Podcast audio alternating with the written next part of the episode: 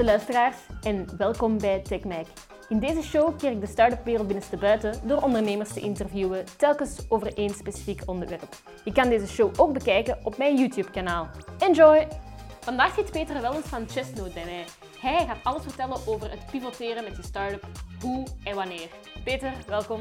Dank je, Magali. Vertel eens de pitch van Chestnode. Uh, Chestnode, ja. Wij, wij geloven dat we, dat we berichten uh, waardevoller kunnen maken. Digitaal berichten. Hoe doen we dat? We doen dat eigenlijk door mensen voorsprong te laten nemen.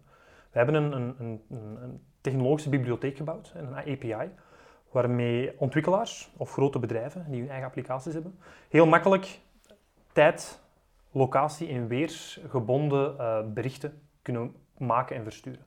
Normaal duurt zoiets um, een half jaar of een jaar. Kost, kan dat honderdduizenden euro's kosten. En bij ons ben je eigenlijk met 500 euro per maand um, vertrokken. En kan je dat soort functies inbouwen in je applicaties.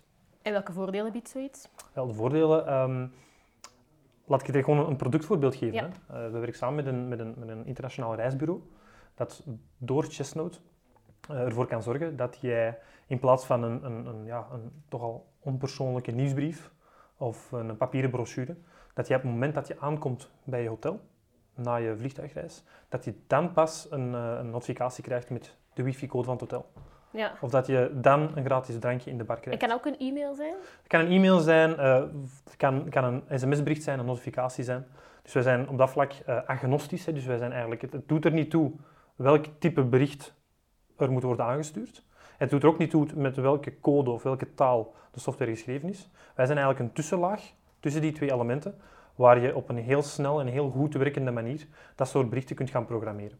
Nu, het was niet altijd zo. Um, allee, het was niet altijd de, de definitie van Chestnode. Want nee, nee, daarom heb, zijn we hier. Ja, ik heb over Chestnode nog geschreven als een slow messaging app uh, om, om meer gepersonaliseerdere berichten te kunnen Ja. stu uh, sturen. Misschien kan je vertellen waarom dat jullie gepivoteerd zijn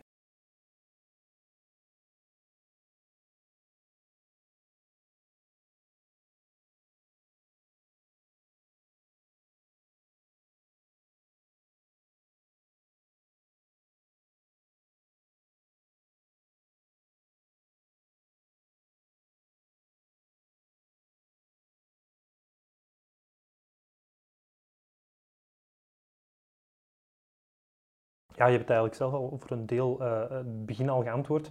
Wij waren eerst eigenlijk een, een eigen klant van wat Chestnut nu is. Wij Ja. hadden de technologie om, om hoog gepersonaliseerde en, en contextuele berichtgeving, um, wat die technologie eigenlijk verwerkt in een eigen applicatie, die ook Chestnut heette. En ons aanvankelijke plan, um, een plan waar we ook een aantal uh, extra investeerders en een groot team voor ons rond hadden verzameld, was om met die applicatie een een grote, leuke community op gang te brengen. En daar adverteerders en, en contentmakers rond te verzamelen. Een plan dat eigenlijk in het eerste jaar heel goed, heel goed lukte. Uh, we zijn toen naar een 15.000-tal gebruikers gegaan. We werkten samen met merken zoals Cirque du Soleil. Stonden op de festivals. We hebben ook met Unilever een demo gedaan. Uh, dus allemaal zeer veelbelovend, heel leuk. Uh, maar toen zijn we op een muur gebotst. een muur die, die voor, voor elke B2C start-up founder die naar luistert um, zeer bekend zal klinken, zijnde van op een bepaald moment raak, raken je marketinginspanningen, je, je, je verkoopsinspanningen, eens ze voorbij je eigen netwerk gaan reiken, ze voorbij eigenlijk uh, je eerste zakelijk contact te gaan reiken, dan, dan, dan kom je tegen een muur. Dan denk je, goh, hoe geraken we nu van die 15.000 naar 50.000, naar 100.000, naar een miljoen gebruikers? En daar is, Opschalen. Hm? Opschalen. Opschalen, inderdaad. Een scale-up, maar dan voornamelijk aan de consumentenzijde. Um, en, en je bent aan het vechten tegen aandacht. Je bent aan het vragen dat ze niet alleen Chestnut kennen, maar dat ze ook geïnteresseerd zijn, dat ze ook de app downloaden en hem dan nog een keer gaan gebruiken. En dan liefst, als ze hem gebruiken, ook de content van onze partners, onze betalende partners eigenlijk gaan, gaan verkennen. Dus je vraagt zeer veel zaken. Dat zijn heel veel momenten waarop je contact moet hebben met steeds, een steeds groter wordend publiek. En dat um, kost enorm veel geld. Dus hoewel we een, een mooi bedrag hadden opgehaald en we eigenlijk mooi op, op schema waren, hadden we de, de viraliteit van ons concept overschat. We waren, laten we zeggen, wereldberoemd in Vlaanderen, maar dat, dat is, niet, Ja. niet, dat is niet, niet, uh, niet genoeg. En um, naarmate dat de groei verder moest komen, merkten we dat we ja, tegen veel grotere kosten en, en, en een veel steviger team nog zouden gaan aankijken. Ehm, nu terugkijken op die periode, uh, uiteraard konden heel veel dingen andere aanpak, anders aanpakken. Je moet soms ook wat gokjes maken, je moet een paar assumpties maken. Heb je het gevoel dat je hebt gefaald? Ik heb het gevoel dat we het onderschat hebben. Ja. Maar ik denk, de mensen die we rond ons hebben verzameld, het werk dat het team heeft gedaan, uh, ik ben er enorm trots op. Het waren heel slimme mensen, heel capabele mensen. Um, dus, dus laat ons zeggen, ik kan terugkijken met trots en zeggen van, we hebben, we hebben echt, we hebben echt een, een, een goede shot aangegeven. Ja. We hebben het niet verpest. Zou je zeggen dat een B2C-startup in ons land eigenlijk geen schijn van kans maakt? Absoluut wel. Ja, absoluut wel. Ook dat, ik, ik vind dat een gevaarlijke gedachte om te verspreiden van dat is onmogelijk of dat kan niet. Hè. Dan, dan, dan blokkeren we misschien ja, heel innovatieve en heel fijne ideeën. Wat ik wel merk, waar, dat, waar dat veel start-ups in ziek zijn, eh, bedjes waar start-ups in ziek zijn, ook wij in het begin dus, dat is al één deel van wat we wel fout hebben gedaan, is dat de focus op product versus de focus op distributie, dat die niet in evenwicht is. Als maker, of als, zeker als founder, als, als je idee nog heel vers en innovatief is, dan ga je zeggen, wauw, dit product is zo goed, ik krijg zoveel toffe feedback, ik krijg wat pers, ik krijg een aantal eerste gebruikers, het begint allemaal goed te gaan. Ik ga nu 60, 80, 90 procent van mijn tijd steken om, om dat product, waar ik nu al zo'n beetje goede feedback van heb gekregen, om dat perfect te maken. En dan ja, dat verspreiden als een kwestie van wat social media posts en een aantal filmpjes maken en go. Dat is een groot probleem, want, een perfect, nee, want een perfect product alleen is niet voldoende. Je moet concurreren tegen miljoenen andere apps, tegen een hele wereld van innovatieve producten. Ah ja, iedereen was uw concurrent. Iedereen, ja, ja. Iedereen wordt uw concurrent. Uh, in zekere zin de meest gebruikte apps waren onze concurrent. Want daar proberen we tijd vanaf te snoepen. Ja. En dat kan ik nu wel met heel veel zelfvertrouwen zeggen. Maar op het moment dat we daarin waren, in die tunnel, zag ik dat moeilijker. Ja. ik zag, als concurrent zag ik bijvoorbeeld, hè, en dat was een Waalse start-up, Jack, die, die ook time-based messages maakte. Staan zij nog? Um, dat moet ik nog eens opzoeken. Ik heb, ik heb een, na onze pivot een beetje uit het oog verloren. Uh, maar, maar dat was een fout van mij, te zeggen van zij zijn onze start-up, uh, zij zijn onze concurrent. Want zij deden ook wel iets zeer gelijkaardig aan ons, maar eigenlijk de concurrent van ons beiden waren alle apps die nu wel de aandacht kregen van de consument. Ja. En om even terug te komen naar mijn origineel punt. Dus de fout die ik veel mensen zie maken, is heel veel focus op product en heel weinig focus, of, of, of in vergelijking toch veel te weinig focus op distributie. Ja. Om een B2C-startup te laten slagen, zou ik nu adviseren, focus 10% op het product, zorg dat je daar iets van goede feedback op krijgt, en focus 90% op distributie. Ja. Dat je een, maar dan nog, als, als, het is een strijd om aandacht, hoe kan je er dan voor zorgen dat die distributie toch goed wel, wel de, de, de, test zit in de distributie, laat ik het zo zeggen.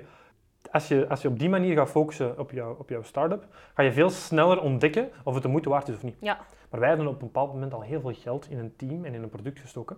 En toen de distributie begon te stokken, dan hebben we gelukkig op tijd kunnen zeggen, we gooien het over een andere boeg. Maar toen was er al veel geld gepasseerd. Nu hadden we een zeer goede relatie met onze stakeholders, onze investeerders. Dus dat, is allemaal, hè, dat zijn een aantal zaken die we goed hebben gedaan. We hebben altijd een heel open cultuur gehouden, ja. heel goede communicatie. We zaten, stonden nooit voor verrassingen, wel voor moeilijke beslissingen, maar die maken we dan samen. Um, maar dus om het punt nog even samen te vatten, een B2C-startup gaat het heel moeilijk hebben als ze in, in, zeker in de beginmaanden, beginjaren, te veel focussen op product alleen. Ja. Hopen dat dat, dat dat fantastische product zichzelf dan wel zal verspreiden of dat dat wel viraal zal gaan. Hè. Het is zoals Ja. hopen als je, alsof dat je de lotto gaat winnen. Ja, ja, ja nee. Ja, ik kan het mij perfect voorstellen. Eh, ik heb het nogal gehoord in een van de vorige interviews. Ehm, je zei daarnet, we waren wereld, wereldberoemd, maar in Vlaanderen. Denk je dat je product, dat chestnut in zijn oorspronkelijke vorm, meer kans had gehad in een eh, land als de Verenigde Staten? Goh, ehm, Dat toch wel iets meer B2C getint is, hè? laten we eerlijk Ja, zijn. Op grotere schaal. ik, eh, ik kan allee, wel direct al een disclaimer geven. Ik ben daar zeker geen ervaringsdeskundige in. Dus ik kan maar een aantal assumpties maken rond wat, wat ik denk dat daar de voordelen van kunnen zijn. Nu, het grootste voordeel van de, de Verenigde Staten voor, voor B2C is dat het een eengemaakte markt is. Ja. Waar je in België een tiental miljoen mensen hebben die dan dezelfde taal spreken, cultureel relatief homogeen zijn, heb je daar in Amerika ja, heb je 400 miljoen mensen die dezelfde taal spreken. Ehm, en je hebt daar staatsgrenzen, geen landsgrenzen. Je hebt daar cultureel ook weer verschillen, uiteraard. Ja. Dat zie je ook aan het politieke landschap daar. Maar, maar dat is veel minder, minder abrupt op die grenzen dan dat dat hier is. Door- doordat ze ja, zelf verklaard hè, het innovatieve centrum van de wereld zijn, eh, is, is er een veel hogere tolerantie voor nieuwe dingen te proberen. Ja. Ehm, dus, dus had het meer kans gemaakt? Kijk, wie weet. Ja. Wie weet. Maar, maar daar staat wel tegenover dat de strijd om aandacht daar nog eens zoveel keer groter is. De, de budgetten. De budgetten, Ja. ja. Nu, nu, er wordt ook een keer gezegd, als we evenveel moeite hadden gedaan qua fundraising in de States dan dat we hier hadden gedaan, hadden we misschien tien keer zoveel opgehaald. Ja. Ehm, maar ja, de lonen zijn daar ook tien keer zo hoog. Ja. Dus alles, alles, alles balanceert zichzelf op een of andere manier. Ik denk, ik denk dat, dat, dat het de enigste bedenking die ik nog bij die vraag heb, van had het meer succes gehad in de States, is, goh, we hadden een twintigtal klanten op, op, op een top van onze B2C-aanpak, die, die een beetje op zijn Vlaams heel voorzichtig waren met budgetten, heel voorzichtig waren qua timing. Ik denk dat, dat, dat in de Verenigde Staten, bijvoorbeeld op de Westkust, dat we daar weer met dezelfde mate aan sales wellicht hogere budgetten Ja. en langere, Ja. langere termijn eh, engagement hadden kunnen vastklappen. en hadden we misschien de pivot niet moeten doen. Maar dat is allemaal what if, what if, what if. Wat ik mij dan wel afvraag, wanneer komt het moment dat je zegt van oké, ik sla een andere weg in of ik heb hier een visie en ik wil trouw blijven aan die visie? Ehm, het vulgaire antwoord is het geld. Weet je, wij, eh, ik, heb het, ik heb het enorme geluk dat wij, dat wij omringd zijn met een heel eh, fijne, heel professionele groep investeerders. Die, die in het team geloven, die in het concept geloven, die ons uitdagen en challengen. Eh, maar hoe je het ook draait of keert, je bent ook met hun geld aan het ondernemen. Dus ik heb, ik heb een, een verplichting naar mijn klanten toe, ik heb een verplichting naar mijn team toe, ik heb een verplichting naar hen toe. En naar hen is het voornamelijk informatieplicht. Zij moeten weten wat er gaande is, want, want Chestnut is maar één van hun vele investeringen. En ik ben, ben, ben de, de spreekbuis voor Chestnut. Ehm, en, en hoe leuk het ook is om fijn nieuws te vertellen, ik vertel ook het slechte nieuws. En, en enkel op die manier kunnen we dan samen tot een beslissing komen. Ehm, dat is een beetje de achtergrond voor het antwoord op Ja. uw vraag. Wanneer weet je het? Ik bedoel, koppig vasthouden aan de visie is iets dat, dat, dat je als founder altijd wel een beetje kenmerkt. Je bent een dromer die altijd, Ja. samen met mijn co-founder Tom hebben wij altijd proberen twee, drie, vier jaar verder te denken van oké, wat zou het ideale scenario zijn? En de mensen rond ons in ons team, die, die, die volgen die visie en die bouwen daarmee aan. Uh, maar de economische realiteit, de realiteit waar de investeerders mee voor instaan, hè, het centen op de rekening, zorgen dat mensen kunnen betaald worden. Uh, als, als we merken dat we daar, ondanks onze inspanningen, geen positieve som krijgen, dan ben je geen bedrijf Ja. meer.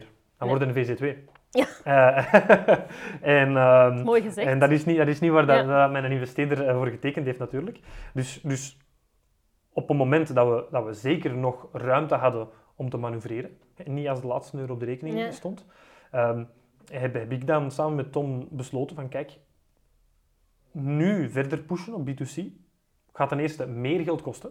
Dus we gaan eigenlijk, zonder dat er geld binnenkomt, meer geld moeten vragen. En België als B2C-land, hè, we kennen de risico's, we Absoluut. gaan, we gaan meer risico nemen. Ja. Chestnut is altijd een risicovol bedrijf geweest. Hè. We zitten in een, een, een SaaS, een technologisch verhaal, eh, dat dan nog eens B2C was. Dus, dus we hadden al een redelijk hoog risicoprofiel.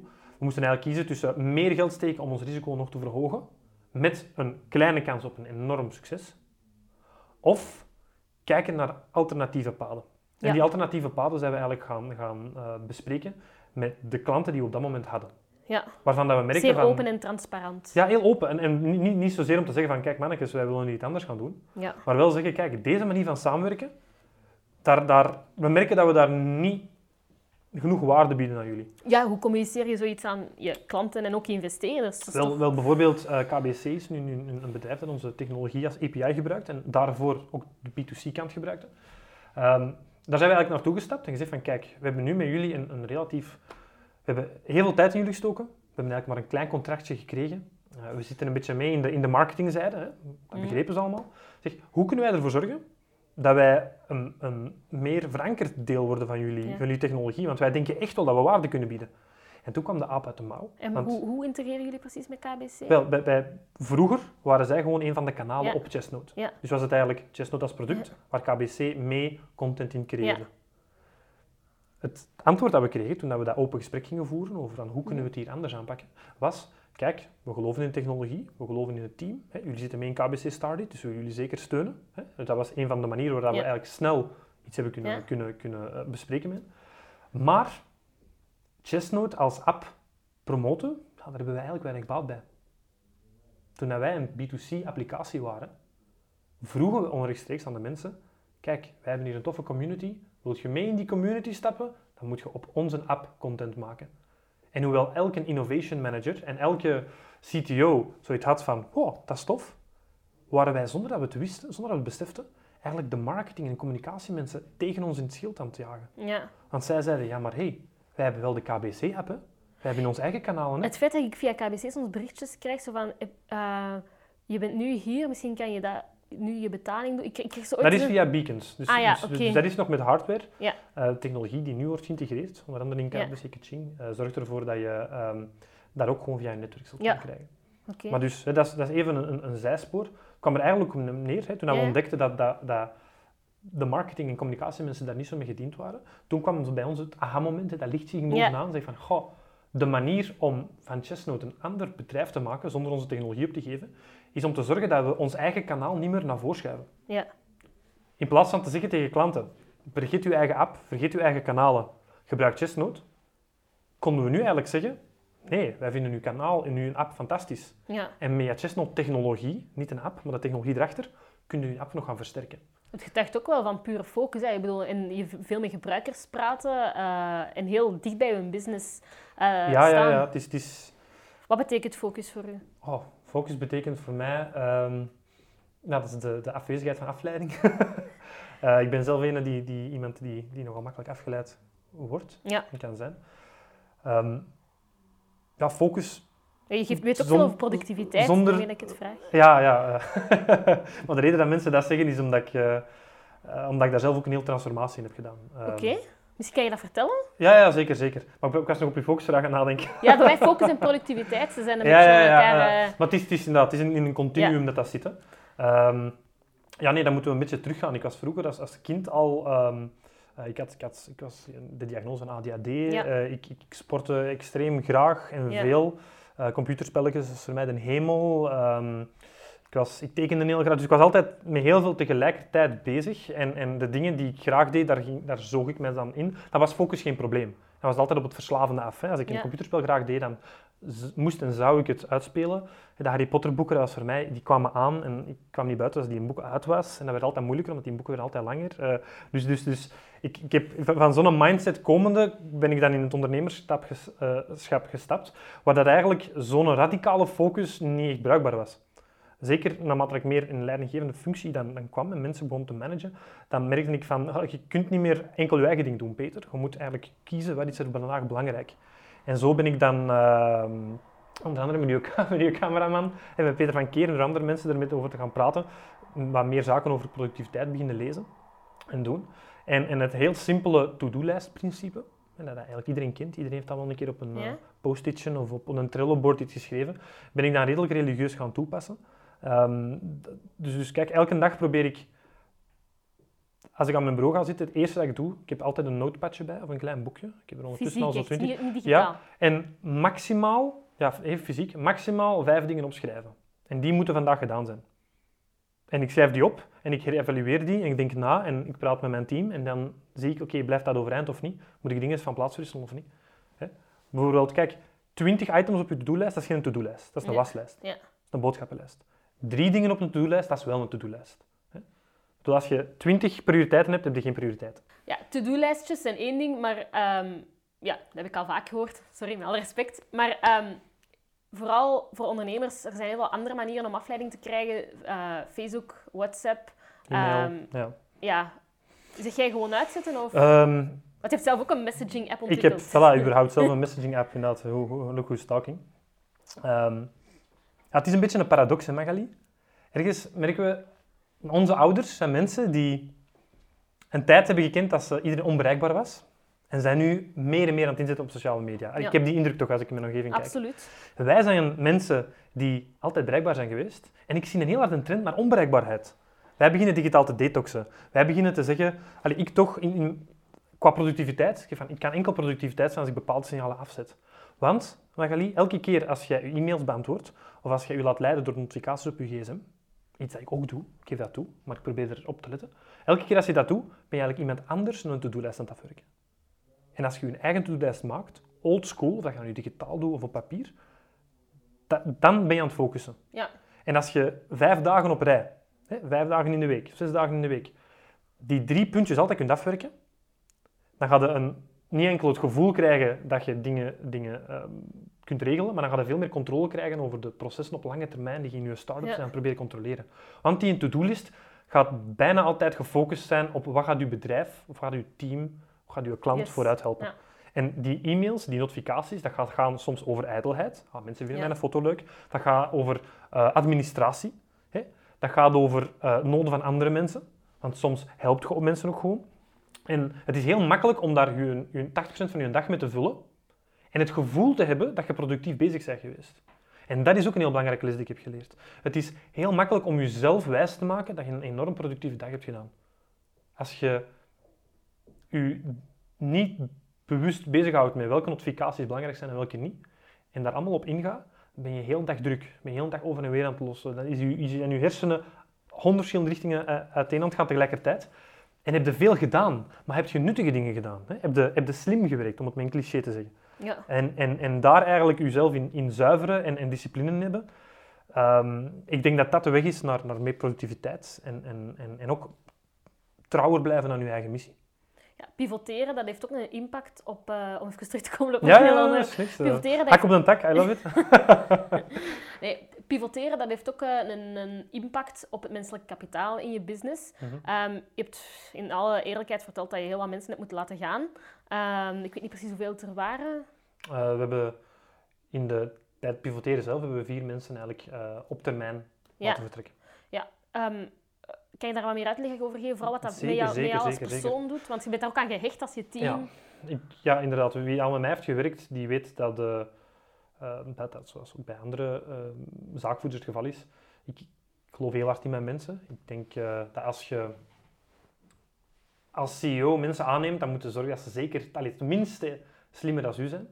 Omdat anders, ja, waarom allee, neemt je ze dan aan? Hè? Um, het leuke van een jonge techbedrijf is ook dat je mensen kunt aannemen en vrijheid kunt nemen, omdat je zo dicht op elkaar werkt, dat, dat, allee, dat ik als zaakvoerder wel zou aanvoelen van heb je een, een netto positieve impact of niet. Ja. En dat dan bijsturen en daar samen slimmer van worden, dat, dat is wat ik heel graag doe. Okay, dat is inleiding, zeg maar. Uh, het was zeker niet fijn om mensen te laten gaan, want die waren allemaal deel van de Chestnut-familie, om het zo te zeggen. Ja. Nu, de, de, maar het feit dat die mensen vertrokken zijn, is ook een beetje een, een resultaat van de cultuur die bij ons heerst. Het was heel open, heel transparant. Dus er is nooit een geheim gemaakt geweest van het feit dat we naar een pivot toe waren aan het werken. Vanaf het moment dat dat ter sprake kwam bij de raad van bestuur, vond ik het niet meer dan normaal dat ik samen met Tom ook dat ter sprake begon te brengen bij onze mensen. Ja. Hey, mijn grootste angst was dat wij heel goede mensen zouden verliezen. Als we van de ene dag op de andere zeiden, ah ja, by the way, dit zijn niet meer onze klanten, maar dit zijn onze klanten. Ja. Dit is niet meer ons product, maar dit is ons product. Dus wij hebben eigenlijk twee maanden voor alleen dat de pivot, pivot qua product op gang kwam, hebben wij met onze mensen gesproken en gezegd van kijk, dit is de nieuwe richting waar we naartoe willen. Wat vind jij ervan? Welke rol ziet jij voor jezelf weggelegd? Een heel goed voorbeeld, wij hadden een heel, een heel uh, capabele uh, vrouw die bij ons de marketing deed, uh, Anne Fleur heette ze. En um, zij is Anne bij Fleur? ons, ja, Anne Fleur Ah, zij, ja, zij, is bij, ons- zij is bij ons gekomen om eigenlijk het, toen we volop in de B2C-fase waren, om eigenlijk de community te versterken, om, om, om dat B2C-verhaal ja, te onderhouden Ja. en met onze mensen te praten. En, en dat, dat deed zij goed, dat was heel goed. Maar de pivot die aankwam, zorgde ervoor dat er eigenlijk meer en meer account management ging moeten Ja. gedaan worden. hè. Onze klanten waren niet meer de mensen, de gebruikers. De gebruikers zaten nu bij onze klanten. Ja. De En noden van de, de- business veranderen. Ja, voilà, de noden van de business veranderde. En ook haar functie. Bedoel, we, we gingen geen, geen B2C-marketeer meer nodig hebben. Ja. Maar wij zeiden wel tegen haar, kijk, als je wil, mag je bij ons eigenlijk doorgroeien tot account manager, om dan eigenlijk met onze klanten meer te praten. Wat een heel andere leefwereld is, een heel andere manier van doen. En dat was het niet. En, en goh, niet zozeer dat ze het niet wilde, want ze heeft het met ons wel een aantal maanden gedaan. En ze deed het goed, maar ze werd er niet gelukkig van. En ik ben eigenlijk heel blij dat ze zich, zich comfortabel genoeg voelde om daar met ons te bespreken. Dus we, hebben dan, we zijn dan echt als beste vrienden uit elkaar kunnen gaan. Ja. Ehm, hetzelfde met iemand die bij ons sales deed, Christophe. Ook een hele goede, capabele gast. Maar die heeft eigenlijk voor de pivot heeft hij eigenlijk het, het, het, de, de, ja, een beetje de, de ondankbare taak gehad om die klanten waar we maar weinig uit, uit konden halen, omdat we hè, het, pla- het Mhm. platform waren, maar niet de technologie, hij heeft toch nog zitten deals forceren. En, en, en dat is heel, ik vind het achteraf gezien heel jammer. We hebben die eigenlijk te vroeg aan boord gehaald, want als we die na de pivot aan boord hadden gehaald, had hem nu een heel ander verhaal om te verkopen Ja. en dat hem daar waarschijnlijk meer succes in kunnen hebben. Maar daar leer je weer uit. Dat, dat, voilà, daar en leren wij zelf ook uit. Dat waarschijnlijk. leert hij uit. Ja. Ehm, in het kort kan ik zeggen dat, dat, hoewel het niet fijn was, dat we wel elke persoon die is vertrokken eh, in een andere toffe job hebben zien Ja. doorgroeien. Ehm, ik, ik wil zeggen van dat komt doordat we ze hebben geholpen. We hebben het altijd aangeboden, maar ze hebben het eigenlijk allemaal heel goed zelf kunnen regelen. Ja, Zeker een het is aantal... mooi dat je dat kan zeggen ook. Ja, voilà. Ja. En, en, en we, hebben, we hebben toch een, een leuk regeltje op hun cv toegevoegd. En ik denk dat ze allemaal het gevoel hebben dat de deur bij ons nog altijd open staat. Ja, Ehm, One family. ik heb eh, tot nu toe, hè, hout vasthouden, nog nooit iemand moeten buiten shotten bij uh, Chestnut. van oei, nee, dit gaat helemaal niet. Uh, het is altijd ofwel geweest de mensen die zelf aanvoelden van er zijn hier dingen aan het veranderen, ofwel in onderling overleg. Dat we zagen, kijk, we, we, we, kunnen elkaar eigenlijk niet meer helpen. Um, en dat is fijn. Allee, fijn dat we dan zo toch een, een, een erfenis van ex-chestnoters uh, die, die fijne dingen dan toen kunnen achterlaten.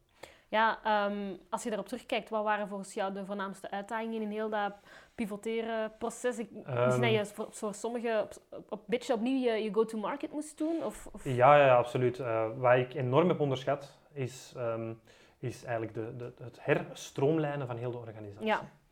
Ik ben zelfs zo naïef geweest dat ik op een bepaald moment zei oké, ja, kijk, de technologie, allemaal goed en wel. Uh, we krijgen dat wel op die manier verpakt hè, en verkocht. Laten we nu gewoon even focussen op een nieuwe website. Hè. En dus de website was gemaakt en dan merkten we van, oei, onze sociale media staan eigenlijk nog helemaal niet op punt. Onze eh, e-mailhandtekeningen staan niet op punt. De manier waarop we pitchen is nog niet op punt. Ik was eigenlijk allemaal te veel oude dingen aan het proberen recyclen. Ja. In plaats van dat ik terug vanaf nul, samen met, mijn team, dat we keken naar, oké, hoe kunnen we hier echt die nieuwe stem van de ground up bouwen. En dat heeft ons dan eigenlijk een extra website gekost, gekost want we hebben die nieuwe website gemaakt en zagen we, oh, dat zit nog zo wat tussenin. En dan pas hebben we het met de grond gelijk gemaakt en opnieuw opgebouwd. Dus de tijdsinvesteringen heb ik onderschat. Ik heb uh, de, de manier van pitchen, die verandering onderschat. Eigenlijk is het de duur van de transformatie op elk mogelijk vlak. Ja. Dat kost tijd. Ja. kost sowieso tijd. Um, waar we geluk mee hebben gehad, allee, wat ik iedereen aanraad die, die in een pivot overweegt of doet, is je zou ervan versteld staan in hoeverre dat je oude klanten bereid zijn om mee te gaan in dat nieuwe verhaal. Ja. Um, want ze kopen eigenlijk niet per se je product, ze kopen eigenlijk de organisaties waar ze mee werken. Hè. Nu is dat meer, meer toepasbaar dan ooit. Ja. Eh, pak bijvoorbeeld het bedrijf van, van Harry de Meij. Je, je, je werkt met zo'n bedrijf niet zozeer van ah, ze hebben die en die campagnes gedaan, maar wel van ah, die mensen, daar praat ik graag mee, daar werk ik graag mee. Dat zijn teams die ik kan vertrouwen. En als je dan als klant een keer iets anders wilt of op een andere boeg wilt gooien, dan ga je eerder met de mensen die, waarvan dat je weet, die hebben mij goed geholpen, gaan brainstormen en zien, kunnen jullie dat ook?